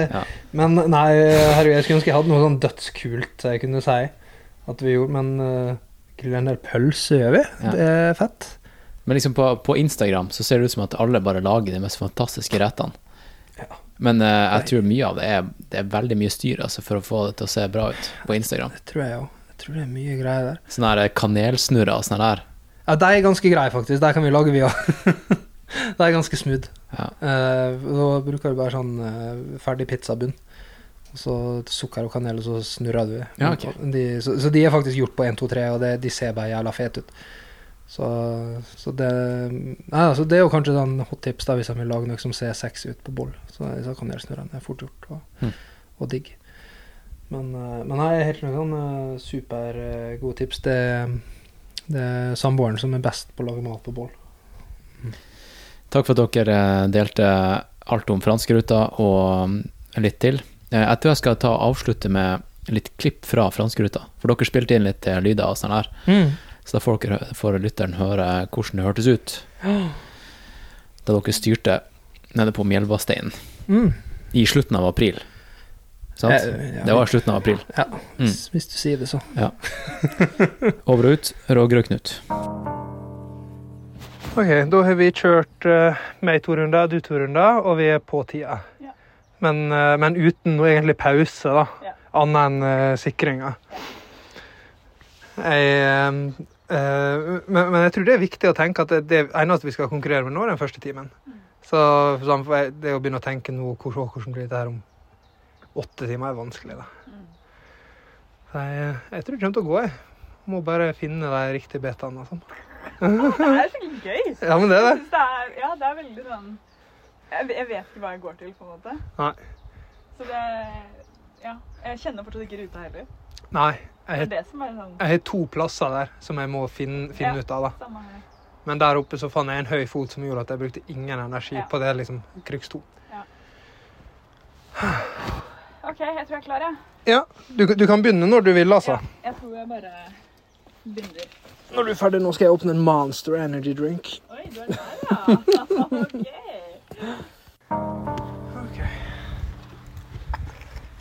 Yes. Hva som er status nå? Status nå er uh, at det her er jo hardt, da. Hardt, ja. Ja, det er tungt. Um, rett og slett fikk den litt i fleisen. Ja. Um, Vi holder på en og en halv time nå. Ja. Så vi har klatra ganske lenge. Men av kanskje planlagte 15. Ja. Eh, teip, dette er lyden av teip eh, som skal på fingre, som begynner å bli slitne. Eller kanskje litt opprørende. I hvert fall for min del. Ehm, så Nei, jeg kjenner det at det er eh, Det er akkurat som at fingrene sier sånn Er du sikker på det her? Ja. At du skal gjøre dette her i 14 timer til? Mhm. Mm, så jeg er litt usikker, altså. ja. Faktisk på om det går. For min del, da. Mhm.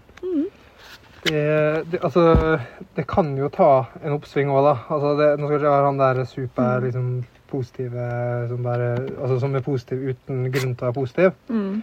Men, men det, det kan plutselig svinge opp. Ja. Uh, så Jeg fikk den siste ruten jeg, den siste gangen jeg prøvde den, Mm. så gikk det supersmooth. mm, Så hadde alle flytta. Og tenkte sånn OK, dette her kan gå. mm. Og så rett på neste runde, og da sa det stopp, da.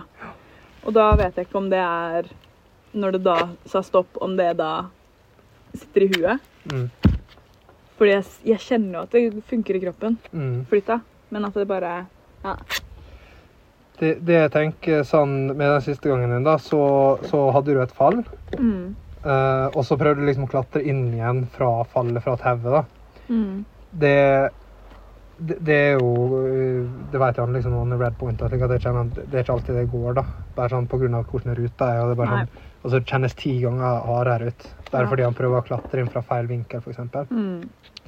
Så det kan være noe med det. Jeg, jeg tror det er litt det også, at det er bare at det ikke er rute Hvis du detter, så bør du nesten bare komme ned igjen og, og begynne Ja. på nytt. I hvert fall hvis Ja. du er akkurat det cruxet. Mm. Så Jeg, eh, jeg er jo, jeg er jo veldig, jeg er jo veldig positiv. Sånn generelt positiv, men jeg, jeg, jeg tenker det kan være en god idé å bare fortsette. Ja. Kanskje kutte ned på rundene Mm. per minutt. Mm. Og så bare, og så kan plutselig på grunn av det at han klatrer litt mer fresh, at det han føler Ja. At han detter inn i den riktige grooven igjen, da. Ja, ikke sant. Det, Nei, jeg tenker en liten pause nå. Ja. Litt med mat, og så ja, kanskje kjøre én runde av gangen. Ja. Og ikke to. det kan være lurt.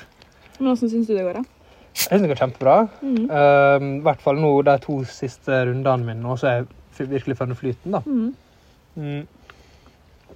Men det er ganske annerledes enn de der eh, 24 timer som jeg har kjørt tidligere.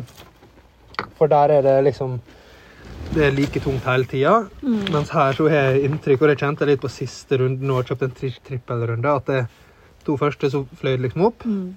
Siste var sånn Å ja, nei, der er grensa, liksom. Mm. Så, så jeg tror det er veldig mer tydelig sånn cutoff-grense, som hva som går og hva som ikke går, Ja.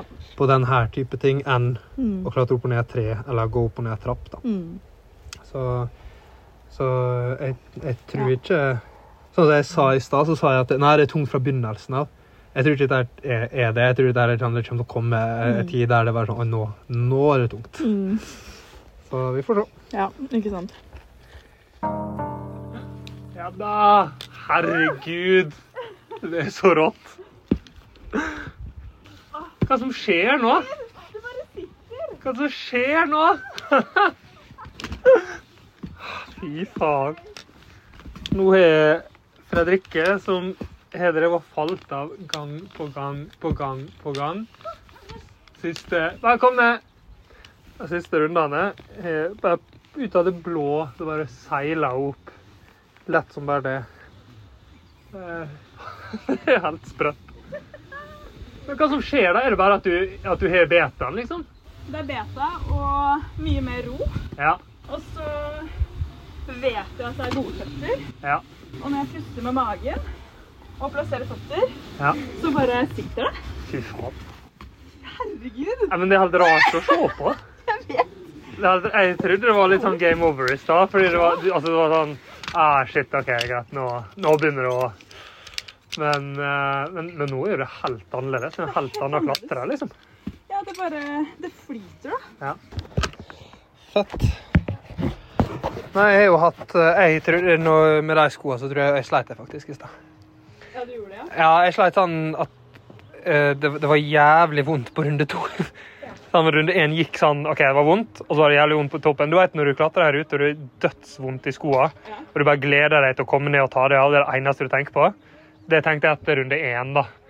Så å være der oppe og vite at nå skal jeg rappellere ned, og så skal jeg rett på en ny det var ganske demotiverende. Ja, det skjønner jeg kjempegodt. Så det var um, Men eh, nå bytta, eller putta sokker i de andre skoene, funka da.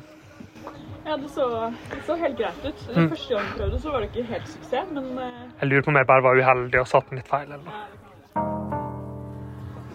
Da har klatreturen fått, uh, fått nedslående nyheter. Etter litt gravende journalistikk så uh, ble det oppdaga at uh, rut, franskruta er 1200 meter, og ikke, og ikke 900. Eller 1180 kunne, kunne de strekke seg til, da. Så da er jo eh, liksom det store spørsmålet hvordan vi løser det. For vi, vi kommer ikke til å nå det. Med mindre vi holder på hele natta og er ferdig i morgen tidlig en gang, liksom. Og jeg ligger såpass langt bak Ja. uansett at eh, for min del så Nei. blir ikke toppen av trolleveggen på meg Nei. i den økta her. Nei. Eh, Det må jeg bare innse. Nei. Det går jo an å ha det som et sånt prosjekt. Sånn, nå har jeg så mange, så jeg kan komme igjen en annen dag og en annen dag, og til slutt få 1200. At det kan bli en sånn greie her at det har du klatra franskruta på franskruta? Ja, det går an. Det går an. Så Jeg begynner å bli glad i den ruta, Ja, faktisk. ja men jeg òg. Jeg syns den er fin. Jeg liker den skikkelig godt, så jeg gleder meg Ja. til hver runde. Men um, nei, det var jo et eh, Det var jo slett forarbeid fra Mm. vår side. Ja, vi Eh. begynte. Hadde vi begynt klokka åtte i dag tidlig, Mm. så da hadde vi vært ferdig. Mm. Men uh, det kommer ikke til å være sånn, da. Men det er utrolig vakkert her, da. Skal det være. Ja. Men det er, samtidig, så er det er utrolig kul ute. Så jeg er jo litt sånn på, på valgens kval liksom hvordan jeg skal gjøre det. Om da er å holde på til midnatt. Det vi, det vi avtalte at vi skal holde på til midnatt. Så da er liksom mitt spørsmål om jeg skal holde på til midnatt, stikke hjem og sove, komme tilbake og ta den resten i morgen tidlig. Eller om jeg skal begynne å klogge og gjøre den alene på natta. Og det er Det er Det er et par eh, ting som er negativt med det. Én ting er hele Jeg skjønner at det er litt sånn kjipt for, eh, for deg, Fredrikke, å være kjenne på at jeg skal bli igjen her når du stikker og legger deg. Det er sånn team-greie. Og det andre er jo det at det er kjipt å holde på gjennom natta. Det er, det er jo også kjipt. Ja. Det er også kjipt å gjøre det aleine, på en måte. Ja. Men um... Mm. Så nå, eh, nå er jeg 470 meter oppi, da. Det er jo fint. det henger jo litt etter deg, da. Ja, Det er rart at jeg klarer å sikre deg oppi der. ja det er litt Det er et par sånne logiske brister Det med er greiene par der. logiske brister. OK. Nei, nei, men vi, vi tenker vi, uansett det eneste vi kan gjøre nå, er å fortsette å klatre. Og så ser du på fingrene dine, du òg. Ja, det, det er jo bra, da. Ja, Det er sånn, det er imponerende med den handa di etter den skada, at den Ja. funka såpass. det òg. Altså, den utfordringa vi bestemte for oss sjøl, eh, altså hvis du skal ta vekk navnet på ruta, franskruta, så hadde vi egentlig bestemt oss for at vi skal klatre 900 meter på den 10-metersruta her. Og så var det bare morsomt at eh, den het franskruta, den den andre het franskruta også. Så sånn, på den måten er det veldig lett å se det. Men jeg har jobba så hardt med meg sjøl med sånn mantra 'ingen unnskyldninger, ingen unnskyldninger'. Liksom, hvem eier problemet? Jeg, jeg jobba så hardt med det, og det, det har jeg også liksom trykt nedover ørene på soldater som har vært i avdelinga mi. Og liksom virkelig prøvd å leve etter. da, litt sånn, Uansett hva som skjer, så, så er det ditt ansvar. da. Og det, sannheten er at det, det vi driver på med nå, vi er ute og leker. liksom. Vi er ute, vi, vi er ute og bare kødder rundt. Og så har vi bestemt oss, og, og det, Men jeg tror det sitter sånn igjen i meg at det Ja, det her er ikke det vi planla. Vi fikk vite oi, plutselig er det 300 meter til. Egentlig hadde jeg vært mindre nevrotisk på akkurat de tingene der, da. Så hadde jeg bare sagt vi klatra bare 900, fordi det var det, det var det vi skulle gjøre. Og det her er ikke noe sånn offisiell greie. Vi vinner ikke noe penger. Vi, eh, vi utkonkurrerer ingen andre. Det er ingen som taper på at vi gjør 500, 700, 800, 900 meter. Men um, Så jeg, jeg Nei, det er rart hvordan på en måte hjernen vår er skrudd sammen, da. Eller Mhm. kanskje tar, tar den utfordringen her på litt forskjellige, Ja. forskjellige måter. Rett og slett. Og jeg tror det, det er litt sånn gøy å si hvordan hjernen er skrudd sammen. Jeg tror på mange måter hvordan vi er skrudd sammen sjøl. Fordi det har vært en aktiv greie dere på mange år og jobba inn den der eh, ingen unnskyldninger. Og, og her, akkurat nå så er det kanskje en um, uh, Altså uh, uten tvil liksom en negativ greie, da. Selv om altså, negativ greie, det er ikke det heller. fordi det, det vi driver på med, er så jævla lite Det viktig. er, det er helt det er helt, helt uviktig. Ja, det er. Både for deg, for meg, i den store sammenhengen. For det er verden. virkelig altså, For verden er det ikke viktig. null verdi. Ja. Men samtidig, jeg har en fin dag ute. Ja. Setter pris på å være i selskapet ditt. Liksom. At jeg, Mm. måte, det er det Nå er det det det handler om. da. Ja, ja. Og så gjøre noe som er utenfor det vanlige. ja, ja. Og absolutt ut av, langt utover komfortsona. Altså, Ja, Det er tungt, og det er slit. Kjempetungt. Og det hadde det vært hvis vi hadde, nådd, hvis vi hadde sagt åh, takk for i kveld nå også. Ja. Jeg kjører bilen min bort hit. jeg. Det er altså veldig, veldig, veldig gøy å, å klatre sånn med Sanne som deg, men sånn med deg, da. Fordi du, på grunn av den innstillinga slik du har, da er det veldig det er helt, Å, å klatre med surpumpa er jo noe av det verste du kan gjøre. Altså sånn som blir Nei! Og skuffa og Altså, skuffa blir jo alle, på en måte. Men eh, nei, det, det er kult. Jeg syns det var en dødsfin dag. Mm. Ja, i like måte. Jeg syns også det har vært veldig gøy å gjøre det med deg. da. Mm. Og så skjønte jeg jo når jeg på en måte lanserte den ideen, at selvfølgelig kommer du til å si ja. Fordi du sier jo aldri nei til noen ting som helst. Spesielt hvis det høres eh, litt sjukt ut. det er en ting som jeg har tenkt på i løpet av dagen. Og at den her, er sånn, hva er, meningen, hva er sånn, hva er meningen med livet? Mm. Det vet jeg ikke. Nei. Men det er i hvert fall ikke å henge på denne steinen i tolv timer, liksom. Det er, det er ikke meningen med livet. Men, men så har det på en måte allikevel gitt mening, da. Mm. Den har på en måte fylt denne dagen med mening allikevel. Jeg er Og det pågangsmotet ditt er veldig, jeg synes er veldig inspirerende. Men jeg er jo veldig fan av meningsløse ting. Ja, ja, selvfølgelig. Og det er jo også fordi altså, ja, det, det kan sikkert si at meningen med livet ikke er å henge i veggene, men jeg, ikke, jeg tror på en måte det er det. For, for det ja, men, ja, men altså, det er sånn Folk snakker så masse om å gjøre Folk løfter gjerne fram på andre enden av skalaen. Folk som jobber med å, med, med å kurere kreft, f.eks. Da. Ja. Er det sånn, ja, OK, men er, er, er, er målet for å redde menneskeliv? Ikke sant? Ja, OK, men er målet at ingen skal dø, f.eks.? Mm. Og, sånn, og I det store og hele så betyr jo ikke det noe heller. Altså Mm. Zoomer du liksom, kameraet langt nok ut, så ingen som ser det heller, eller bryr seg om det. og liksom, Mm. Alle dør til slutt uansett. og vi, altså Menneskeheten dør til slutt, og planeten blir liksom her uansett. Så jeg syns det er litt sånn Vi er litt sånn fine, vi mennesker. Vi greier å finne, finne mening i det. da. Mm. Så jeg, når vi klatrer her nå, så finner jeg masse mening i å klatre opp og ned. Og hvis mening bare er en følelse, så syns jeg vi er vi har vunnet livet i dag, da.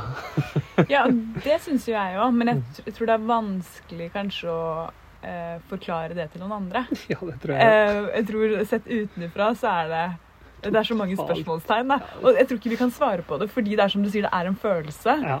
Og det er Ja, jeg sitter også med den følelsen av at sånn at, eh, at det har gitt meg masse. Ja. Og sånn, selvfølgelig skal, man, selvfølgelig skal man gjøre det da. Men, men når man ser hva vi har holdt på med i dag, så er det sånn derre Det er veldig rart å klatre her og bare Det her er totalt meningsløst. Bare følt på det. Bare følt på det. Nei, men da hadde vi ikke kommet oss opp. Eller sånn, Det hadde jo ikke gått. Nei, vi hadde ikke. Da Nei, hadde vi vært stuck. Så.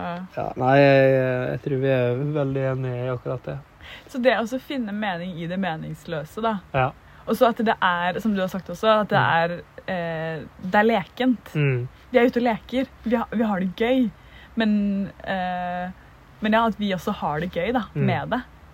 Og så ser jeg litt humoren i det. Jeg har jo måttet le et par ganger i dag. Og bare sånn Hva faen? men jeg, jeg elsker det, da. Ja. I hvert fall når han ser på liksom all smerta han har. Han ser på Ja. fingrene sine, de bare pumper røde. Jeg kjenner pulsen i det. Det er Ja. gnagsår på alle tærne. Albuen min er kjempestor Det er superhode. Det er en Donald-kul. Så, Ja. ja. Nei, men bra. Jeg um, skal um, hoppe opp i veggen igjen, tror jeg. Du har et par runder til, og så En til, faktisk. Ja, En så til. er du ferdig for i natt. Mm. Og mer om det på neste sak. Da var det prosjektet over, dessverre. Um, jeg er på Steino og ordna opp kloggesetupen og begynte å, begynt å klatre. Men eh, jeg greier ikke å bevege albuen lenger. Og så uh, datt jeg av i veggen her og holdt på å slå meg skikkelig. Og da, nei, da kutta jeg den der. Det er ikke kommer ikke til å gidde å, eh, skade meg skikkelig bare for å, for å gjennomføre det. Kjenner det er jævla tungt. Eh, og som er helt idiotisk, siden det er et sånn der uh, spontanprosjekt som man bare i går syntes var en morsom greie. Men jeg har et eller annet med å, med å liksom eh, ikke gi meg og Ja, og liksom stå det ut og sånn. Så det er jo det de her prosjektene har handla om de Seven Summits Oslo. Det med å, med å lage noe meningsløst og gjøre det meningsfullt og stå i det og, um, og vite at det, det, er dritt nå, og det kommer til å være dritt lenge. Men allikevel velge å stå i det. Så det at jeg må, må, må bryte nå, syns jeg, synes jeg er ganske kjipt. Nei, jeg syns ikke det er forsvarlig lenger å holde på. Jeg, og den der albuen som jeg slo i går eh, Det som skjedde, var at jeg drev og klatra, og så slo jeg albuen inn i veggen på vei opp.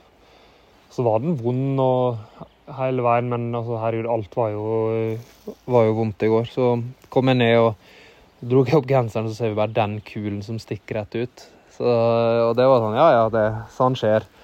Så fikk jeg sove noen timer, og nå i Nå når jeg prøvde å klatre nå, så jeg, tør ikke å dra med den, for da eh, er det vondt å stikke i albuen. Og så klatra jeg opp i, i liksom det første krukset, og der datt jeg av. Rett og slett fordi jeg greide ikke å, å holde og det, Hvis jeg ikke kan stole på den albuen, så, så kommer jeg til å dette av igjen og igjen. Så jeg datt av nå også, så datt jeg helt ned i bakken og, og, kunne, og slo føttene og kunne like godt skade ankelen også. så jeg kan ikke drive og risikere at det skjer hver gang. Nei, men uh, det var et kult prosjekt, da. Altså Hvis han skal vri det til, til hva han kan bruke det her til, så har jeg liksom klatra 650 på ei sekserrute. Um, og selv om jeg ikke har gjennomført franskruta, høyda på franskruta på franskruta her, så kan jeg alltid komme tilbake og liksom ha klatra eh, høyde- og frontskruta her i, i løpet av f.eks. sommeren. da. Så jeg kan jo alltid komme tilbake og klatre ti, ti runder her og ti runder der, og, og bare få liksom gjennomført den. Eh, så det har jeg tenkt å gjøre. da. Jeg tenker det fortsatt er et prosjekt jeg kommer til å ha her. Eh, og få liksom gjort det som slik at jeg kan si at jeg har klatra den ruta her 120 ganger. jeg syns det virker jævla kult. Så eh, nei da, det er alltid, alltid noe positivt han kan ta med seg. All right, eh, folkens. Det var dagens episode av eh, Nå er det alvor. Om du ikke har noen planer for september, så kan jeg informere deg om at jeg skal arrangere en fjelløpecamp i Isfjorden 7. til 10. september. Her blir det heftige løpeturer i noen av Norges og verdens drøyeste fjell. Det blir eh, foredrag, det blir yoga, det blir god mat, og jeg kan garantere at det blir en litt sånn eh, klein mesternes mesterstemning. Det er totalt 20 plasser, og i snakkende stund, dvs. Si fredag 2.6.2023, så er det 12 plasser igjen. Jeg har eh, leid inn en bussjåfør han har plass til alle sammen. Han skal kjøre oss eh, til og fra alle turene. Det blir 80 eh, km fordelt på fem turer. Det blir 5000 høydemeter. Og Urkraft de stiller med havrebars til løpeturene. Og eh, havregryn og granola og havremelk til frokost. Og Pitrak de stiller med heftige rabatter til alle deltakerne dersom eh, dere trenger å handle inn noe av det påkrevde utstyret til turen. Detaljer om eh, campen og eh, påkrevd utstyr får du på nedaexperience.no. Og jeg skal legge en link i shownotes. Jeg tar forresten en tur til Nøsen om et par eh, helger for å podkaste og heie på løperne som skal springe Nøsen Hundreds. De skal jo ha tre løp. Det er 21 km, det er 50 km og 100 km. Eh, så jeg skal podkaste, jeg skal crewe litt, heie litt. Eh, sikkert eh, ta et par pils på kvelden. Det blir jo DJ, god stemning. Så om du også skal dit, så ses vi der. Hvis du ikke skal dit, så høres vi i neste episode av podkasten. Over og ut, Roger og Knut.